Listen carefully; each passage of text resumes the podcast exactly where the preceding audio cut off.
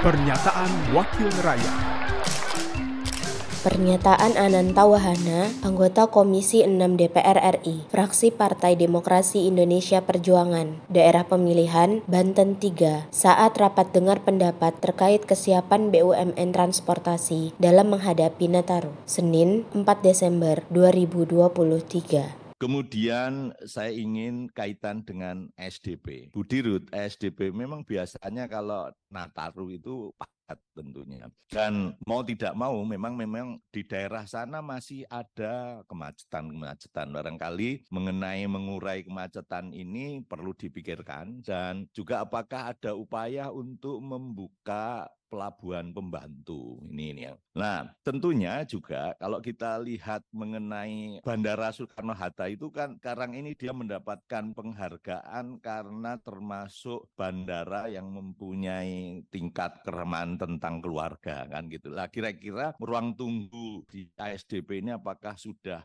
khususnya Merak apakah sudah berorientasi kepada ramah keluarga termasuk pos-pos kesehatan karena kami lihat bahwa eh, sering terjadi pada saat event yang besar itu banyak nanti penumpang yang sakit. Apakah ASDP juga sudah melakukan koordinasi dengan rumah sakit terdekat? Karena saya melihat kadang-kadang pos-pos kesehatan itu tidak mampu menangani kesehatan yang ada. Pernyataan Ananta Wahana, anggota Komisi 6 DPR RI, fraksi Partai Demokrasi Indonesia Perjuangan, daerah pemilihan Banten 3, produksi TV dan radio parlemen, Biro Pemberitaan Parlemen Sekjen DPR RI.